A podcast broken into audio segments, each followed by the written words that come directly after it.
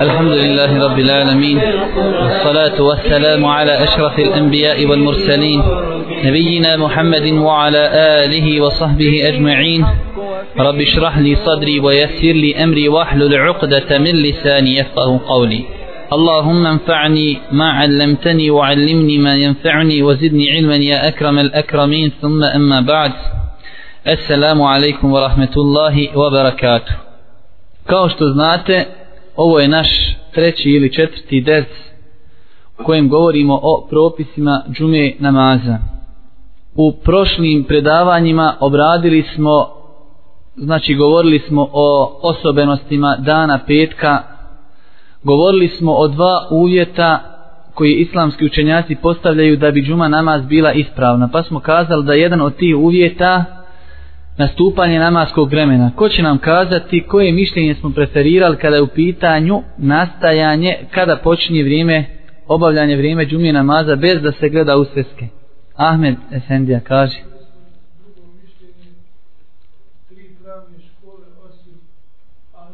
Ja pitan šta je mišljenje, bez koga preferira?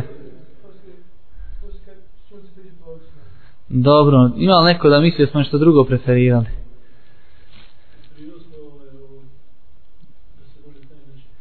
Mhm.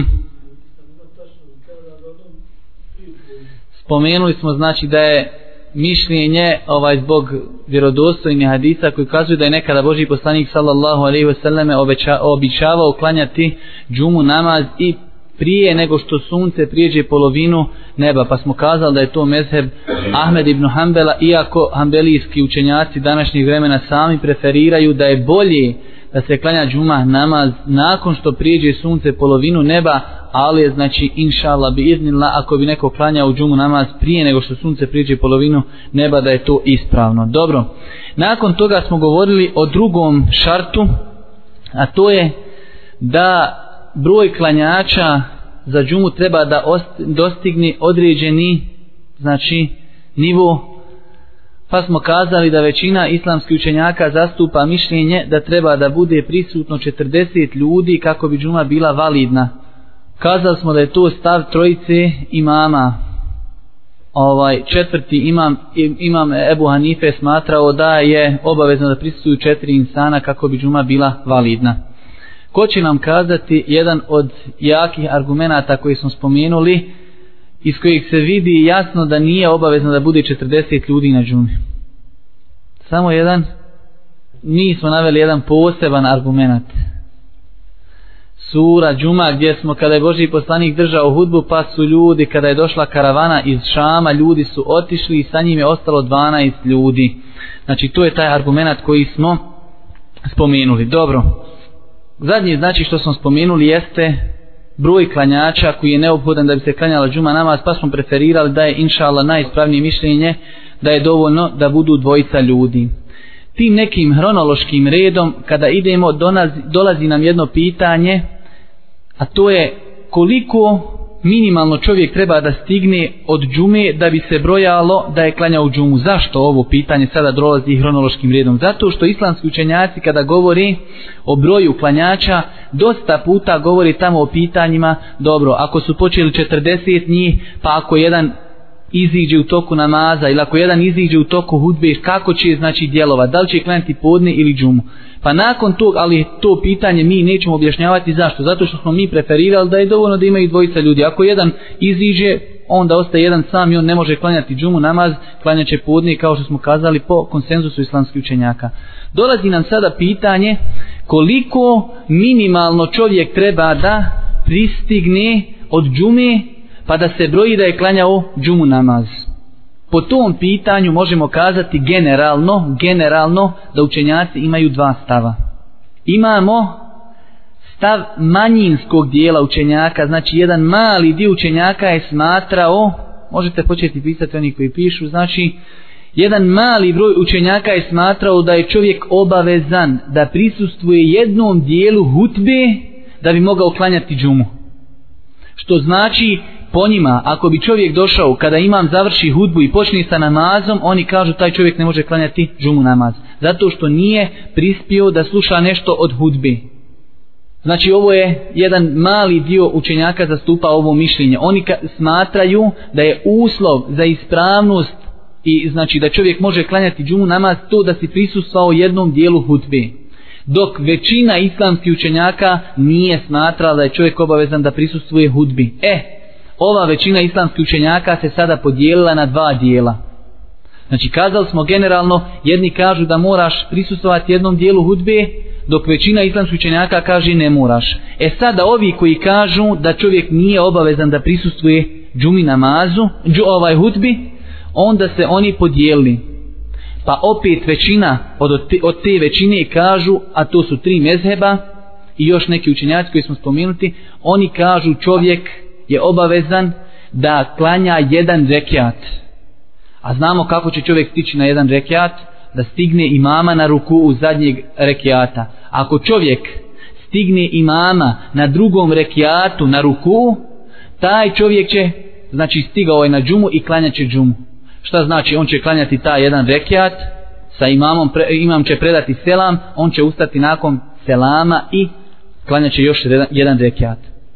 Znači to je stav većine islamskih učenjaka, među njima su i tri imama mezheba. To je bio stav također Ibn Mes'uda radijallahu ta'ala anhu, Ibn Omera, Enesa radijallahu ta'ala anhu, Sa'id ibn Musaiba, Alqame, Hasana el Basrija, Urve, Malika Šafi, Ahmeda i Ebu Jusufa, poznatog učenika imama Ebu Hanifi. Znači, njihov stav je bio čovjek da bi se moglo kazati za njega da je klanja u džumu, minimalno treba da stigne na jedan rekiat. A rekli smo prije, prošle godine kada smo govorili kako se stiže na jedan rekiat, da čovjek stigne imama na ruku zadnjeg rekiata. Dobro. Imam Ebu Hanife smatrao manje od toga. Imam Ebu Hanife kaže ako čovjek prispije na tešehud prije nego što imam preda selam, taj čovjek će znači klanjati sa imamom, kada imam preda selam on će ustati i klanjati dva rekiata.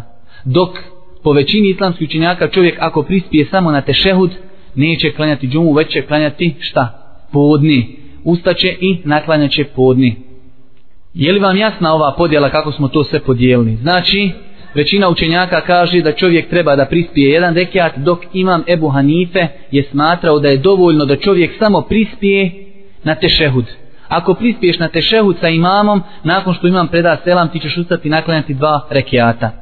Dobro, što se mene tiče lično, ja mislim da je jače mišljenje većine islamskih učenjaka koji su zastupali ovaj znači ono mišljenje da čovjek mora da prisustvuje jednom dijelu hudbe ovaj to mišljenje nema nekih jakih argumenata već sada preferiramo između ova dva mišljenja imama Ebu Hanife i ovaj većinskog dijela uleme. Mislim da je jače mišljenje većinskog dijela uleme zbog dokaza to je zbog jačine dokaza. Pa navešćemo samo jedan argument kojeg su zabilježili Buharija i Muslim od Ebu Hureyri radijallahu ta'ala anhu da je kazao Boži poslanik.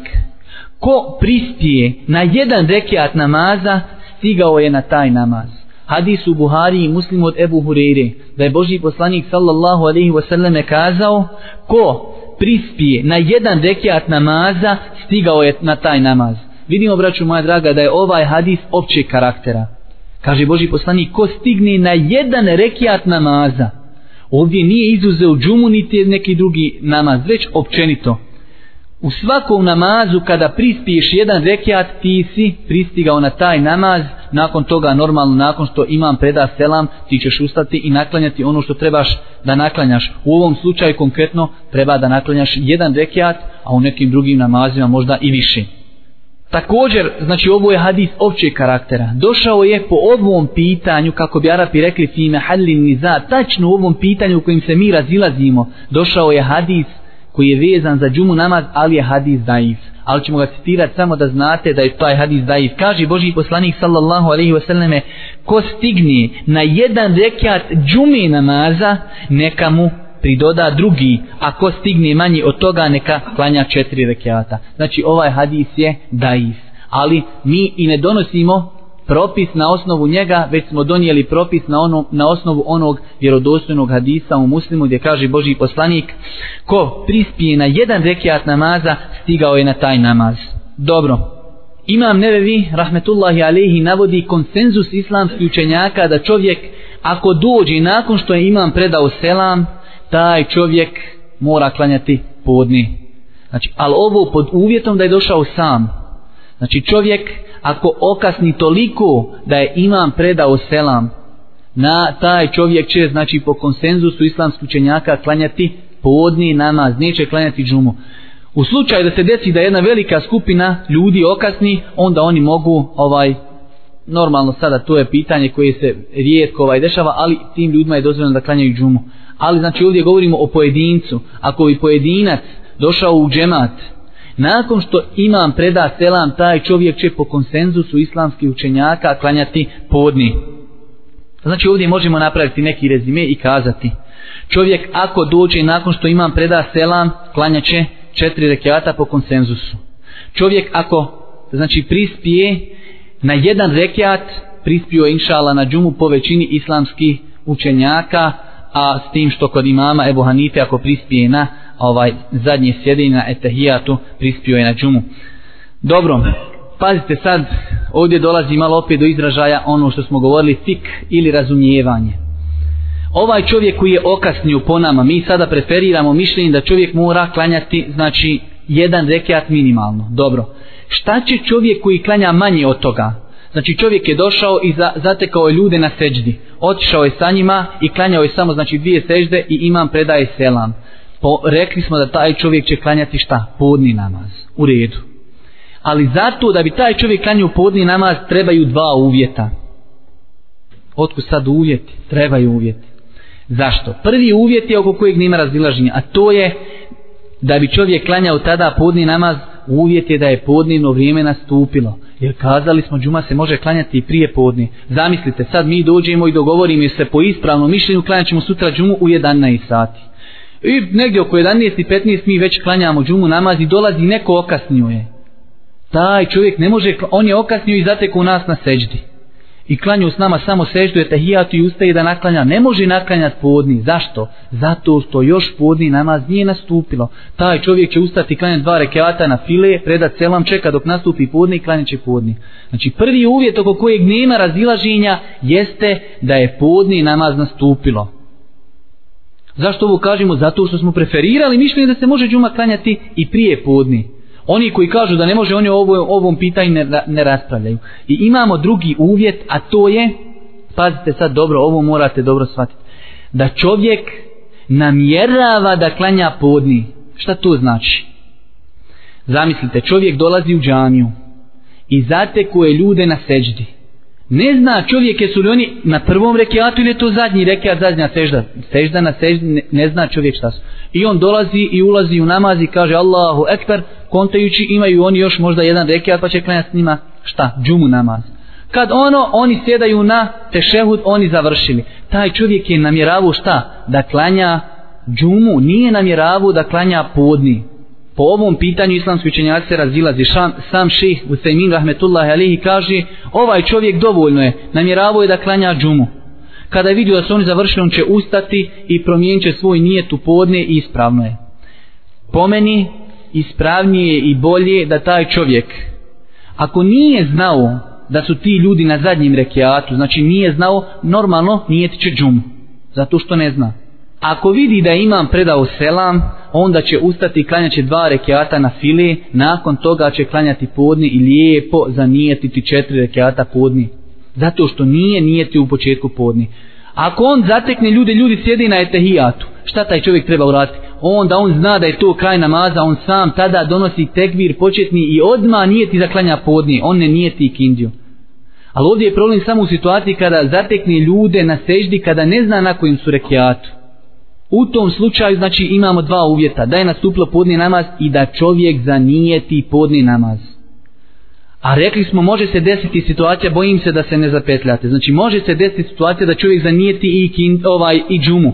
Ali u tom slučaju čovjek ako je zanijetio džumu i vidi da je to zadnji rekat, on ništa nije stigao, ustaće i klanjaće dva rekiata na file, predaće selam i nakon toga će klanjati podni malo je komplikovano, ali mislim, ovaj, bar je meni to jasno, ne znam da li je vama jasno.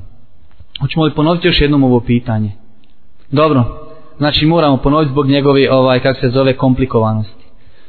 Čovjek, postoji dva uvjeta da bi klanjao podni namaz. Rekli smo prvi uvjet je da nastupi podni namaz i to smo inšala svi shvatili.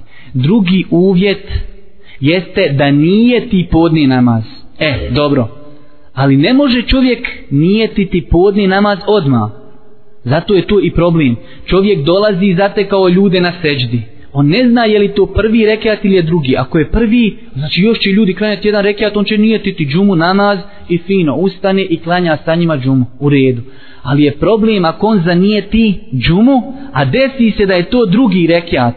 Oni više neće ustajati, a on nijeti džumu. Šehu Semin kaže to je u redu. Klanjaš tada, znači sa njima kada ustaneš, promijeniš svoj nijet, kažeš ovaj, mijenjaš ga u podni. Ali po meni, ovaj ispravnije da čovjek tada ako je nijetio džumu a nije ništa od nje pristigo da klanja dva rekiata pošto je dozvoljeno da čovjek sa manjeg ide na niže u nijetima to je ako klanjaš farz dozvoljeno ti je da svoj nijet prebaciš ono što je manje a to je na fila znači takvom čovjeku kažemo klanjaj dva rekiata na file nakon toga inšala klanja četiri rekiata. Ja sam se potrudio da objasnim onima koji nije jasno poslije ćemo im pojasniti. Dobro. Treći uvjet. Spomenuli smo prvi uvjet nastupanja namaskog vremena. Drugi uvjet smo spomenuli broj. Koliko je minimalno potrebno ljudi da bude ispravna džuma namaz i treći uvjet koji postavljaju islamski učenjaci da bi bila ispravna džuma jeste da se održi hutba prije namaza. Pazite ovdje, svaka riječ je bitna. Da se održi hutba prije namaza. Što kažemo prije? neispravan je namaz da čovjek kaže hajde mi ćemo klanjati prvo dva rekiata pa ćemo nakon toga hudbu. Ne može. Hudba mora da bude prije namaza. I to je taj uvjet da se održi hutba kada? Prije namaza. To je taj uvjet koji islamski učenjaci postavljaju. Sada ovdje oko toga, znači kada kažemo da se održi hudba, oko toga ima razilaženja da li ta hudba mora biti jedna hudba ili dvije hudbe. Ali, znači šta je pojenta ono oko čega nema razilaženja inšala po većini uslamskih učenjaka da mora da se održi hudba prije podnina, prije džumi namaza. E sada neki kažu moraju da budu dvije, moraju da budu jedna, to ćemo poslije spominjati.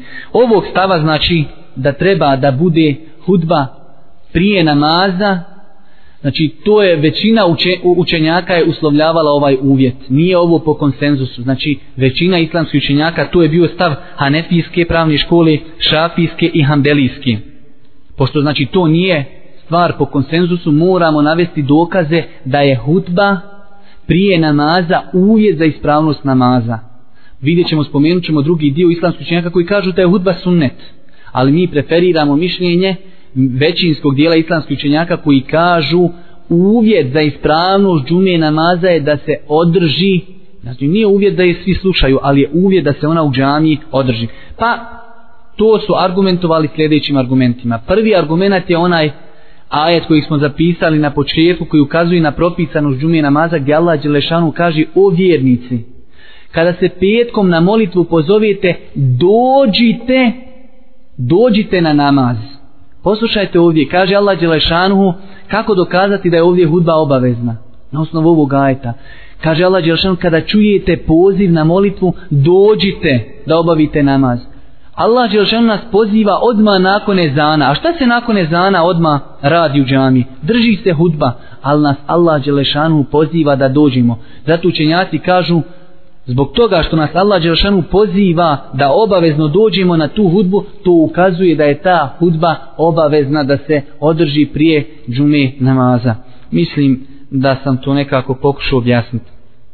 Također, od stvari koje ukazuju da je hudba obavezna, jesu hadisi u kojima Boži poslanik sallallahu alaihi wasallam zabranjuje da se govori u toku hudbe.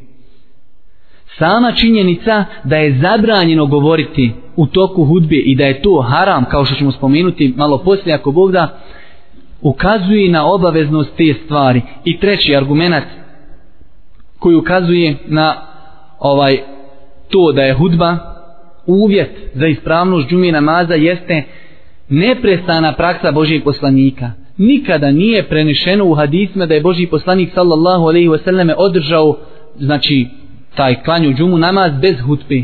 Uvijek je njegova praksa bila da je klanjao znači džumu namaz, a prije toga bi održao hutbu. Dobro, ovdje znači dolazimo do tog mjesta gdje treba spomenuti da ima učenjaka koji kažu da hutba nije uvjet za ispravnost namaza. Oni kažu hutba je sunnet.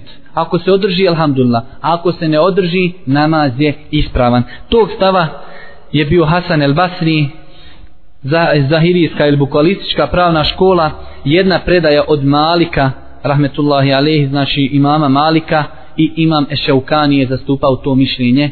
Znači, možemo kazati, ponovo Hasan el Basri je zastupao to mišljenje. Bukvalistička pravna škola, jedna predaja od imama Malika i imam Ešaukani, zastupali su mišljenje, znači da hudba nije uvjet za ispravnost džume, ali mi smo spomenuli tri argumenta, znači kuranski ajet, hadisi Božih poslanika u kojima se zabranjuje govor u toku hudbe i neprestana praksa Božih poslanika. Ovi argumenti svi kada se skupije zajedno znači ukazuju na obaveznost hudbe. Nakon ovog pitanja mi bi sada kada bi htjeli da spominimo sve propise vezane za džumu našli bi se pred jednim ovaj pitanjem koje je mnogo komplikovano. Islamski učenjaci kada govori o hudbi mnogo su se razišli. Zato ćemo mi to inšala sve preskočiti. Pošto to nas puno hajde da kažemo, nije da nas ne interesuje, ali nije nešto plaho bitno u praktičnom životu. Znači učenjaci razilaze šta je to minimalno koliko treba da bude u hudbi. Pa neki kažu treba da, da se zahvala Allahu Đelešanu donese salavat na poslanika, neki kažu treba jedan ajet proučiti, neki kažu treba učiti do i tako znači imamo ti neki i oko toga svega postoji razilaženje. Zato ćemo mi ukratko spomenuti kako je izgledala hudba Božijeg poslanika da ne bi sada spominjali razilaženja, dovoljno nam je spomenimo hudbu Božijeg poslanika i onda mi znamo inšala šta je to sve ispravno. Dobro, vidjet ćete kada budemo spominjali sunnete hudbe, znači od sunneta je da imam kada dođe na, hud, na mimber, nazove selam i sjedni. Nakon toga se uči jezan. E, od tog jezana počinjemo govoriti hudbu Božijeg poslanika. A prije, poslije toga ćemo spomenuti ove sunnete. Znači, nakon što se prouči ezan, Boži poslanik sallallahu alaihi wasallam ustajao bi sa mimbera i počinio bi hudbu sa onim poznatim riječima gdje mi slušamo dosta puta hudbe i uvodnije ovaj riječi kada se drži predavanja. Boć, ja to neću prevoditi. Spomenut ću samo na arapskom, a inša Allah nekada drugi put ovaj možda se to i prevede. Boži poslanik bi počinjao hudbu sa riječima Inna alhamdulillahi nahmeduhu wa nesta'inuhu wa nestagfiruh wa ne'udhu billahi min šururi anfusina wa sejjiati a'malina. من يهده الله فلا مضل له ومن يدلل فلا هادي له وأشهد أن لا إله إلا الله وحده لا شريك له وأشهد أن محمدا عبده ورسوله to je onaj poznati uvod i to je takozvana hudbetul hađe znači hudba za neku potrebu. Onda nakon toga bi Boži poslanik citirao ajet Ali Imran 102 gdje Ja ejuhel ladina amenu taqullaha haqqa tuqatihi wa la tamutunna illa wa antum muslimun. Znači to je ajet iz sure Ali Imran 102. ajet. Nakon toga bi citirao prvi ajet sure En-Nisa poznato gdje kaže se Ja ejuhel nasu taqu rabbekum alladhi khalaqakum min nafsin wahida وخلق منها زوجها وبث منهما رجالا كثيرا ونساء واتقوا الله الذي تساءلون به والأرحام إن الله كان عليكم رقيبا nakon toga spomenuo bi ajet iz sure Al-Ahzab 70. i 71. ajet gdje kaže Allah Đelešanu ja ladina amenu taqullahe wa qulu qawlan sadida yuslih lakum a'malakum wa yaghfir lakum zunubakum wa man yuti'i Allaha wa rasulahu faqad faza fawzan 'azima Nakon toga Boži poslanik sallallahu alaihi wasallam bi kazao fa inna khayra al-hadisi kitabullah wa khayra al-huda huda Muhammedin وشر الأمور محدثاتها كل محدثة بدعة وكل بدعة ضلالة وكل ضلالة في النار poznat ono što prevode to dosta puta ljudi koji počinju sa predavanjima zaista je najbolji govor i najljepši govor govor Allaha subhanahu wa ta'ala najbolja uputa je uputa Božih poslanika sallallahu alaihi wa sallame zaista su najgore stvari novotarije zaista svaka novotarija je znači zabluda, a svaka zabluda vodi u vatru. E, to je znači nešto kako je Boži poslanik sallallahu alaihi wasallam započinjao hudbu. Kaže šehul Islam ibn Tejmije, rahmetullahi alihi, nema ni jedne predaje da je poslanik započeo hudbu osim sa zahvalom Allahu. Znači, možemo istoga uzeti da je sunnet da se hudba započinje sa zahvalom Allahu subhanahu wa ta'ala na način innal alhamdulillahi znači zaista svaka zahvala pripada uzvišenom Allahu. Znači kaže šehol islam ne ima ni jedne predaje da je došlo nešto suprotno tome. Boži poslanik bi uvijek započinjao hudbu sa zahvalom Allahu subhanahu wa ta'ala. Kada govorimo o hudbi možemo spomenuti nekoliko stvari propisa. Prvo, nije uvjet za ispravnost sudbe da je imam pod abdestom. Šta znači to? Da se desi slučajno imamu da izgubi abdest ili prije hudbe ili u toku hudbe nije obavezan da prekida svoju hudbu.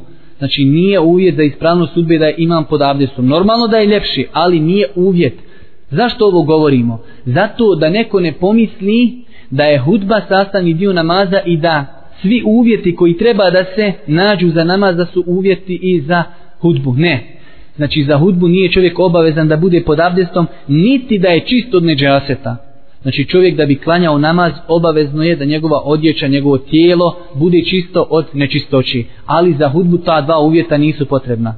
Normalno u ovim slučajevima ako bi hudbu držao neko ko nema abdesta ili ko ima na sebi nečistoće, taj čovjek će kada završi hudbu prepustiti nekome da predvodi namaz, a on nek ide uzeti abdest i neka se neš, rješaje ovaj nečistoće koja je znači na njegovoj odjeći. Dobro, također od stvari koje možemo spomenuti vezane su za hudbu jeste ako su ljudi koji slušaju hudbu Arapi, onda je obavezno da hudba bude na arapskom jeziku. Ako su ljudi koji slušaju hudbu Arapi, onda je obavezno da hudba bude na arapskom jeziku. E ovdje se sada postavlja ono drugo pitanje, a šta ako nisu Arapi? Tada se ovaj treba dati odgovor na to pitanje. Pohvalno je da znači u mjestu gdje ljudi koji dolazi na hudbu nisu Arapi da hudba bude na jeziku, znači jezikom onih ljudi koji razumiju, znači jezikom kako će oni to razumjeti. Pohvalno je to. Normalno, uvod hudbe ono što smo malo prije citirali također je pohvalno da bude na arapskom jeziku ovaj Šeh bin Baz i tamo postoji u Saudijskoj Arabiji odnosno tu je jedan kolegi Međme al Fiqhi jedna možda najveća institucija koja razmatra ta islamska pitanja islamski kolegi i pravni kolegi oni su razmatrali ovo pitanje da li je dozvoljeno da hudba ne bude na arapskom jeziku u mjestima gdje ljudi ne razumiju arapski jezik i onda su donijeli fetvu, znači da je dozvoljeno u mjestima gdje ljudi ne razumiju arapski jezik da hudba bude na znači jeziku ljudi kako će oni to razumjeti. Ali ima u Leme i braćo moja draga i želim to namjerno da spomenim koji su smatrali da hudba mora biti na arapskom jeziku bez razlike ko slušao. Normalno prvo mišljenje i ovo mišljenje koje je zastupao Šefin Baz i ovaj islamski kolegi i pravni, da je to mišljenje inšala jači. Zbog toga kada po pogledamo u svrhu propisivanja hudbe, vidimo da je svrha hudbe da se ljudi poduče vjeri, da se ljudi poduče propisima. Ako čovjek dođe u Bosnu i drži cijelu hudbu na arapskom jeziku, šta smo postigli? Ništa. Znači ispravno je mišljenje da hudba može da se drži na nekom drugom jeziku. Jeziku koji će klanjači ovaj, razumijeti. Ali ovdje se postavlja pitanje šta je to bio razlog zašto su učenjaci neki smatrali da hudba mora biti na arabskom jeziku. Zamislite braćo Madra, to je velika mudrost, kažu kako bi, kaže se, ljudi od, od malena viknuli da slušaju arapski jezik i kako bi jezik i kako bi se, kaže, trudili da nauči arapski jezik. Vi zamislite sada da je u nas hudba na arapskom. Čovjek 20 godina sluša tu hudbu i malo kod kuće tamo vamo, bilo mu mnogo lakše da nauči arapski jezik. Između ostalog, to je znači jedna stvar zbog koje su oni smatrali da je obavezno da hudba bude na arapskom jeziku. Također stvari koje možemo dosta puta čitati po fetama, da li je dozvoljeno koristiti ra, ova razglasna razglasne uređaje, mikrofone i pojačala kada je u pitanju hudba, znači po tom pitanju također postoji fetve da je to dozvoljeno. Dobro, nakon ovo nekoliko ovih propisa vezanih za hudbu, sada ćemo, braću moja draga, spomenuti neke sunnete hudbe. Šta je, znači, stvari koje su lijepe da se, znači, nađu kada je u pitanju hudba. Prva stvar, od sunneta je i od prakse Božijeg poslanika je bilo da kada bi došao, popeo bi se na mimber, okrenuo se ljudima i nazvao selam. Prva stvar, znači od sunneta je da imam nazove selam ljudima. To je prvi sunnet. U hadisu koji je zabilježio imam Ibn Mađe, a hadis je dobar kao što je to potvrdio ših Albani od Džabira radijallahu ta'ala anhu, da je rekao enne nebije kane iza sa'da al minbera selleme. Kaže Boži poslanik sallallahu alaihi wasallam kada bi se popeo na minberu, nazvao bi selam ljudima. Znači hadis je kod Ibnu Mađe od Džabira, hadis je dobar kao što je potvrdio ših Albani, znači da je Boži poslanik prvo što bi radio kada bi se popeo na minber, poselamio bi prisutni. Dobro. Od sunneta je da imam, znači zna se, to sad nećemo spominjati, da imam kada iziđe na minber mi prisutni, tada ustaje mu ezin i uči ezan. E u tom momentu šta će raditi imam? Da li će stajati ili sjediti? Od sunneta je znači u tom momentu kada se uči ezan da imam sjedi, da sluša ezan sjediš. Znači od sunneta je da imam sjedi dok mu jezin uči ezan. U hadisu koji je zabilježio imam Ebu Davud, a hadis je vjerodostan kao što je potvrdio šeha Albani od Ibnu Omara radijallahu ta'ala anhu. Poslanik, kada bi se popeo na mimber, sjeo bi dok završi mu jezin, zatim bi ustajao i počinjao hudbu, pa bi sjeo šuteći, pa bi opet počinjao hudbu. Ovaj hadis će nam trebati opet malo poslije da dokažemo još neke druge stvari, ali ovdje vidimo, kaže Ibn Omar, Boži poslanik sallallahu alaihi wasallam kada bi se popeo na mimber, sjeo bi dok završi mu jezin. Iz ovih riječi uzimamo da je od sunneta da čovjek znači koji drži hudbu prvo će poselamiti ljude, zatim će sjesti, a mu ezin će tada učiti ezan. Znači od sunneta je da čovjek sjedeći sluša ezan. Mislim u ovoj situaciji. Također, većina islamskih učenjaka smatra da je lijepo da čovjek rastavi dvije hudbe. Znači, spominjemo cijelo vrijeme sunnete hudbi. Da je lijepo da imam hatib rastavi hudbe sa kratkim sjedinjem. Da imam, znači, drži, drži hudbu, nakon toga kratko sjedni, znači 15 sekundi, 20 sekundi, pola minute sjedni i nakon toga opet ustane i drži drugi dio hudbi. To je također od sunneta, kao što je došlo u hadisu, koji je zabilježio Buharija i muslim od Ibnu Omera radijallahu ta'ala anhu, poslanik je držao dvije hudbe stojeći, a rastavljao ih je sjedeći. Kaže Ibn Omer, Boži poslanik je držao dvije hudbe stojeći, a rastavljao bi, kaže, između njih sjedeći. Iz ovog hadisa uzmemo još jedan dodatni sunnet, a to je da je od sunneta da se hudba drži šta stojeći. Znači to je dodatni propis. Znači imamo propis da je od sunneta da se rastave hudbe sjedeći i drugi sunnet jeste da je od sunneta držati hudbu stojeći. Dobro, ovdje postavljamo jedno pitanje ovaj ili možemo kazati dozvoljeno je da čovjek drži hudbu sjedeći ako zato ima šerijatski razlog. Kao na primjer čovjek bolestan ili boli ga noga, slomio nogu, u tom slučaju čovjeku je dozvoljeno da drži hudbu sjedeći.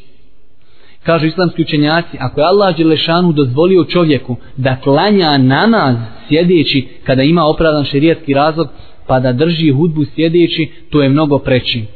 Znači pravi ovdje analogiju, znači ili kijas i kažu, ako je čovjeku dozvoljeno da klanja namaz, da klanja namaz koji je znači na nekom većem nivou od te hudbe, Allah mu je dozvolio da ga klanja sjedeći ako ima ispravan šerijetski razlog, onda kaže ako ima ispravan šerijetski razlog, ovaj, onda je mnogo preći da je dozvoljeno hudbu da drži sjedeći. Dobro, također od sunneta hudbe jeste da hudba bude kratka, a namaz da bude dug. Od sunneta je da hudba bude šta? Kratka, a namaz da bude dug. U hadisu koji je zabilježio muslim od Ammara ibn Jasira radijallahu ta'ala anhu da je Boži poslanik sallallahu alaihi wasallam kazao dug namaz a kratka hudba su znakovi poznavanja propisa.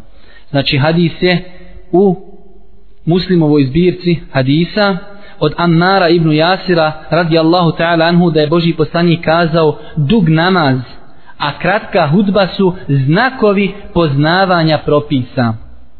Pa nastavlja Boži poslanik, pa odužite namaz, a skratite hudbu.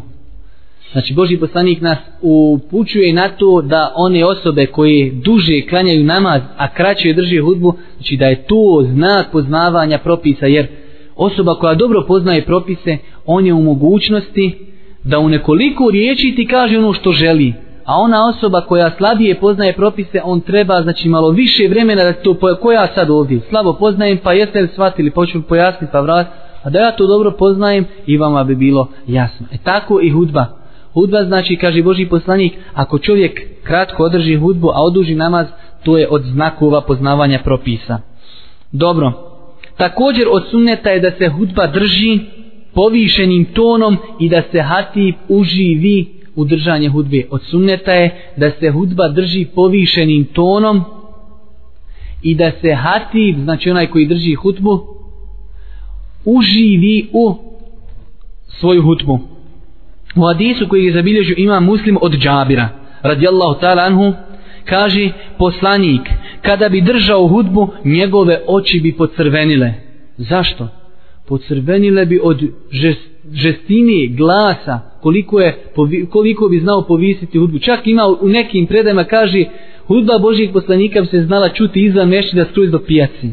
Toliko je Božji poslanik sallallahu alihi wasallame visoko, znači visokim tonom držao hudbu. Nastavlja se ovaj hadis, poslanik kada bi držao hudbu, njegove oči bi pocrvenile, podigao bi svoj glas i povećala bi se njegova ljutnja. Podigao bi, povisio bi svoj glas i povećala bi se njegova ljutnja kao da upozorava na dolazeću neprijateljsku vojsku. Zamislite sada čovjek stane na trg ovdje kod nas i želi ljudima da objasni da dolazi neprijateljska konjica, vojska, kako taj čovjek objašnjava, kako galam i kako je povisio ton. E tako kaže Džabir radijallahu ta'ala opisuje Božijeg poslanika. Tako je kaže povisio bi svoj ton do te mjere kao da je upozoravao na neprijateljsku dolazeću vojsku. Tako je Božji poslanik držao hudbe.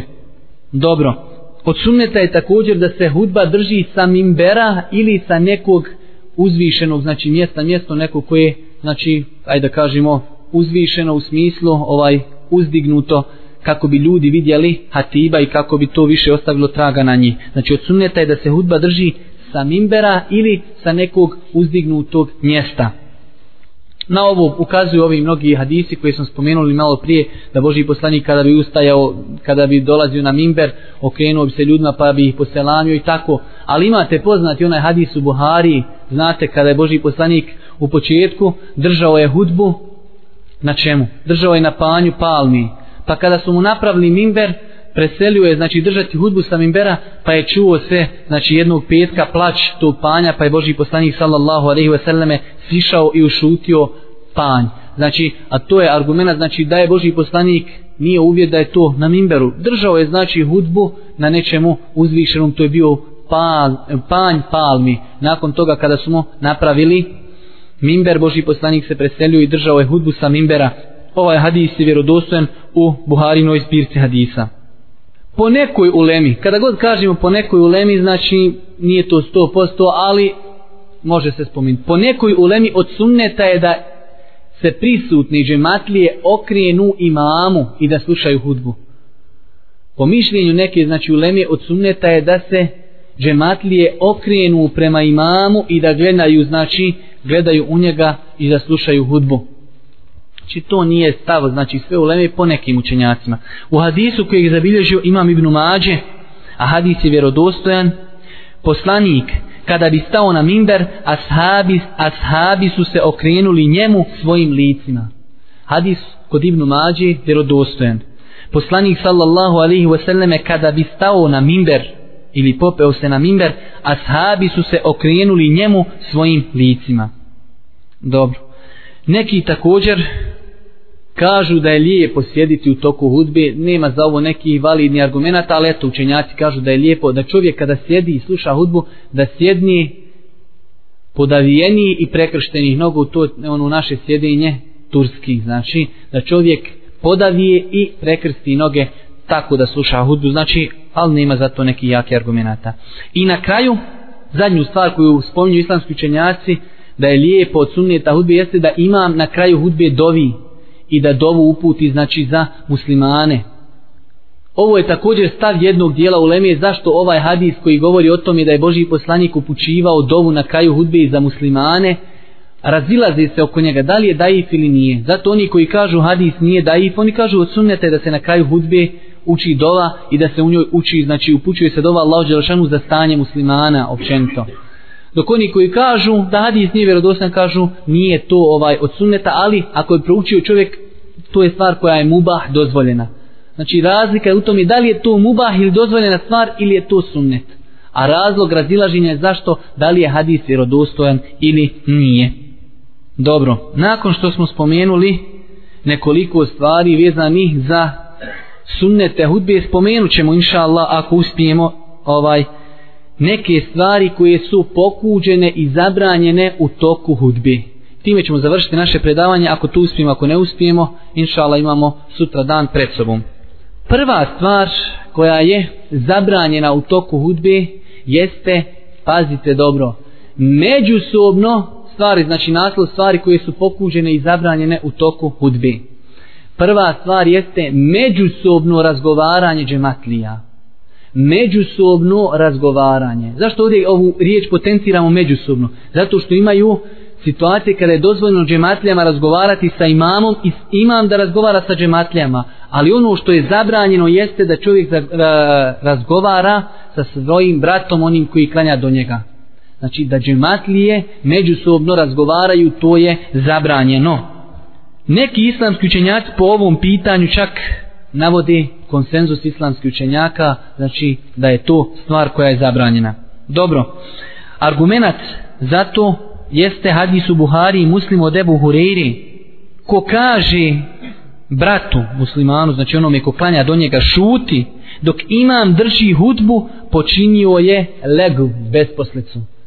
Znači, Boži poslani, spomenut ćemo još neke argumenta koji kazuju da je to zabranjeno. U hadisu koji je zabilježio Buharija i muslim od Ebu ko kaže svome bratu, šuti, dok imam drži hudbu, počinio je legu ili besposlicu.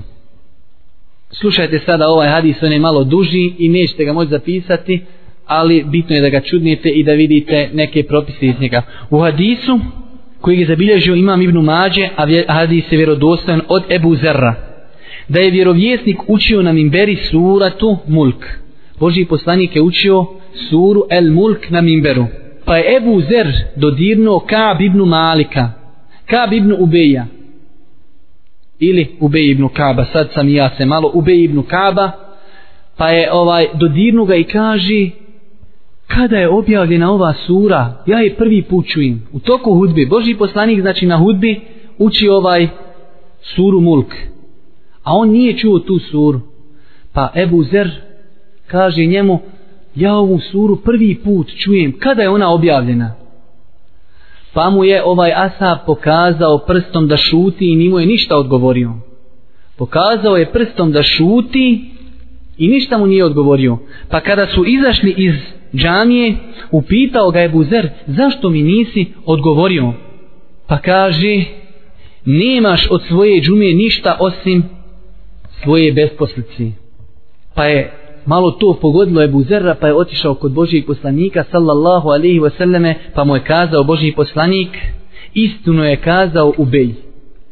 Znači ovdje vidimo da je Božiji poslanik potvrdio ono što je kazao Ubej, kaže ti nemaš od svoje hudbe ništa osim onu besposlicu koju si učinio. Znači progovorio je u toku hudbe. Iz ovog hadisa možemo uzeti nekoliko Iz ovog hadisa možemo uzeti nekoliko koristi. Prva korist jeste da je zabranjeno pričati u toku hudbe. Da je zabranjeno pričati u toku hudbe. Druga stvar, da onaj čovjek koji bude upitan za nešto u toku hudbe, da ne treba da odgovara. Znači Boži poslanik je to također potvrdio da čovjek ne treba da odgovara, već znači dozvoljeno mu je da i šaretom kaže ljudima da šute. Znači to je drugi propis. Treći propis jeste da ljudi kada se raziđu oko nekog propisa treba da se vrati učenim ljudima. Vidimo ovdje Ebu Zeru nije bilo to jasno. Pa je otišao komi, otišao je poslaniku, pa je Boži poslanik potvrdio ono što je kazao u Bej. I treći i četvrti ovaj propis koji možemo uzeti iz ovog hadisa jeste da je dozvoljeno i šaretom pokazati ljudima da šuti. Ili ako te neko nešto upita ili ako vidiš ljude da pričaju jer ima predaja da Abdullah ibn Omer kada bi vidio ljude koji pričaju to hudbe kaže bacio bi kamen prema njima pa kada bi pogledali prema njemu pokazao bi im svojim prstom da šuti. Znači dozvoljeno je koristiti i šaret u toku hudbe ovaj kako se zove ovo za ljude koji mogu pričati. Ima drugo, pro, drugi propis čovjek koji ne zna pričati jednostavno on je nijem taj osoba o tome ćemo neka drugi put da li on smije koristiti šaret ali osobe znači koji mogu pričati njima je dozvoljeno u toku hudbe da koriste i šaret znači kako bi nekom je dali taj neki odgovor što pita ili u smislu da ljudima ovaj skrenu pažnju da šute u toku hudbi normalno ovdje možemo spomenuti da je dozvoljeno govoriti prije i poslije hudbi. Jedino kada je znači zabranjeno govoriti jeste kada počne hudba i do kraja hudbe. Prije i poslije hudbe je dozvoljno, kao što navodi islamski učenjaci. Ostalo nam je još jedno pitanje koje sam ja planirao večeras da uradimo, pa mislim inšala da ćemo moći, a to je šta će uraditi osoba koja uđe u džamiju, a imam drži hudbu. To jeste da li će sjesti ili će klanjati dva rekiata. Pa spada od prilike šta čovjek smije raditi u toku hudbe, a znači spomenut ćemo još neke stvari koje se ne smiju raditi u toku hudbe, spada pod ovo poglavlje. Znači pitanje šta će učiniti čovjek koji dođe u džamiju i zateče imama da drži hudbu. Da li će sjesti i slušati hudbu ili će klanjati tehijetul mesčid, znači pozdrav džamiji, normalno kratko. Po ovom pitanju zaista, zaista ulema se žestoko razišla. Zaista, čak vjerujte da ima studija koje su napisane po ovom pitanju. Ja znam, čitao sam studije koje su napisane samo o ovom pitanju. Pitanje da li čovjek klanjati ili ne klanjati. Čovjek uzme sebi to u zadaću neku i napiše kompletnu studiju koja je možda 30-40 stranica samo o ovom pitanju. Uglavnom možemo rezimirati i kazati imamo dvije skupine učenjaka. Imamo prvu skupinu učenjaka koji kažu čovjek kada uđe u džanju i zatekne imama da drži hudbu, klanja će dva rekiata ali kratko. Klanja će dva rekiata ali kratko. Mnogo je učenjaka koji su zastupali ovo mišljenje zbog kratkoće s vremenom, mi ćemo samo spomenuti pravne škole koji su zastupale ovo mišljenje, a može se spomenuti preko 20 učenjaka koji su iz prvih generacija od Ashaba i Tabina koji su zastupali ovo mišljenje. Ali ovo mišljenje kada gledamo sa mezhebskog aspekta zastupala je šafijska, hambelijska i bukvalistička pravna škola. Šafijska, hambelijska i bukvalistička pravna škola su zastupali stav da čovjek kada uđe u džamiju i zatekne imama da drži hudbu, da će klanjati tehijetul mesčid, ali dva rekiata kratko. Dobro. Imamo drugu stranu uleme, drugu grupu uleme, koji su smatrali da čovjek kada uđe u džamiju neće klanjati tehijetul mesčid, već će sjesti i slušati hudbu. Tog stava je bila hanefijska pravna škola i Malikijska pravna škola i mnogo drugih učenjaka također i za ovo mišljenje mogli spomenuti najmanje dvadesetak imena iz prvih i drugih generacija, znači u Zaista, zaista jako razilaženje, zaista jako razilaženje. Ovaj Hanefijska i Malikijska pravna škola. Spomenut ćemo nekoliko argumenta da treba klanjati tehijetul mesđid. Nakon toga ćemo spomenuti i da ne treba. Prvi argument je općenitost hadisa koji ukazuju na to da čovjek kada god uđe u džamiju klanjaće tehijetul mesđid. Znači prvi argument je jeste općenitost hadisa. Šta to znači općenitost? Znači navodimo hadise koji ukazuju da je propisano kada god uđeš u džamiju klanjati tahijetul mesečid. U ovoj situaciji ti potpadaš pod ovo pravilo. Znači ti si ušao u džamiju. To što imam drži hudbu to tebe ne isključuje iz toga da ne klanjaš. Jer Boži poslanik sallallahu alaihi wasallam u hadisu kojeg je zabilježio ko? Buharija i muslim od Ebu Katadi. Iza dehala ahadukumul mesjid fela jeđris hata yusalli rek'atin. Kada neko od vas uđe u džamiju, neka ne sjeda dok ne klanja dva rekiata. Ovdje Boži poslanik nije izuzeo, nikada imam na hudbi, nikada nije, ni ovo, ni, ništa. hadis je općeg karaktera. Kada god uđeš, klanjaj dva rekiata. To je govor Božeg poslanika, sallallahu alihi wasallam. Hadis u Buhari i muslimu od Ebu Katadi. Poznati hadis kojeg mi dosta puta citiramo. Dobro, možda će neko kazati, pa to je opći na hadis, ima li nešto da kažemo baš da je vezano za džumu? Kažemo ima. U hadisu, koji je ge, ko nam je to zabilježio ovaj hadis, uglavnom kaže Boži poslanik sallallahu alaihi wasallame ko dođe petkom ovdje pazite baš petkom ko dođe petkom dok imam drži hudbu neka klanja dva rekiata ko dođe petkom dok imam drži hudbu znači u momentu kada imam drži hudbu neka klanja dva rekiata a u muslimovoj predaj znači ovaj hadis je vjerodostan u muslimovoj predaj ovog hadisa stoji i kaže neka ih kratko klanja ovo je muslimova predaja, znači vjerodostan hadis da je Boži poslanik kazao ko dođe petkom u momentu kada imam, znači dok imam drži hudbu, neka klanja dva rekiata i u muslimovoj predaji neka ih kratko klanja. Također, treći argument koji je opet u danu petku. Kaže se u hadisu koji je zabilježio Buharija i Muslim od Džabira radijallahu ta'ala anhu da je Sulejk el Gatafani, Sulejk je in ashaba, El Gatafani iz plemena Gatafan ušao u džamiju petkom dok je poslanik držao hudbu pa je sjeo znači hadis u Buhari i muslimu od ovaj Sulejk, da je Sulejk El Gatafani radijallahu ta'ala anhu ušao petkom u džamiju. Dok je Boži poslanik držao hudbu pa je sjeo pa ga je upitao poslanik jesi li klanjao dva rekiata prije nego što si sjeo? Boži poslanik postavlja pitanje kaže jesi li klanjao dva rekiata prije nego što si sjeo? Pa kaže Sulejk nisam. Pa mu kaže Boži poslanik ustani i klanjaj hadis znači u Buhari i Muslimu od Džabira da je Sulejk el Gatafani ušao u džamiju petkom dok je poslanik držao hudbu i sjeo Pa ga je upitao poslanik, jesi li klanjao dva rekiata prije nego što si sjeo? Nisam odgovori. Pa mu je naredio Boži poslanik, ustani i klanjaj dva rekiata. Što se tiše anefijske i malikijske pravne škole, oni to dokazuju hadisom također, koji je vjerodostojan. Od Osmana radijallahu ta'ala anhu, da je poslanik kazao, onome koje je išao i koračao preko safova u vrijeme hudbe kazao mu je Boži poslanik sjedi ometaš ljude i okasnio si znači hadis koji je vjerodostojan od Osmana radijallahu ta'ala anhu da je poslanik kazao či znači Boži poslanik je bio na hudbi na minberu. Pa je vidio čovjeka koji korača preko sapova. pa je onda kazao tom čovjeku sjedi. Ti si kaže okasnio a još ometaš i ljude. Ometaš ljude a još si okasnio. Znači vidimo da ovdje Boži poslanik nije rekao klanjaj dva rebi kaže sjedi iđlis, kad aze, azejte o anejte. Ti si okasnio i plus još i ometaš ljude. Zato ćemo sljedeći put, to je sutra ako bude spomenuti da je od pokuđenih stvari po nekima i to je ispravni mišljenje da je haram hodati između safova i znači koračati preko safova ljudi, ometati ljude.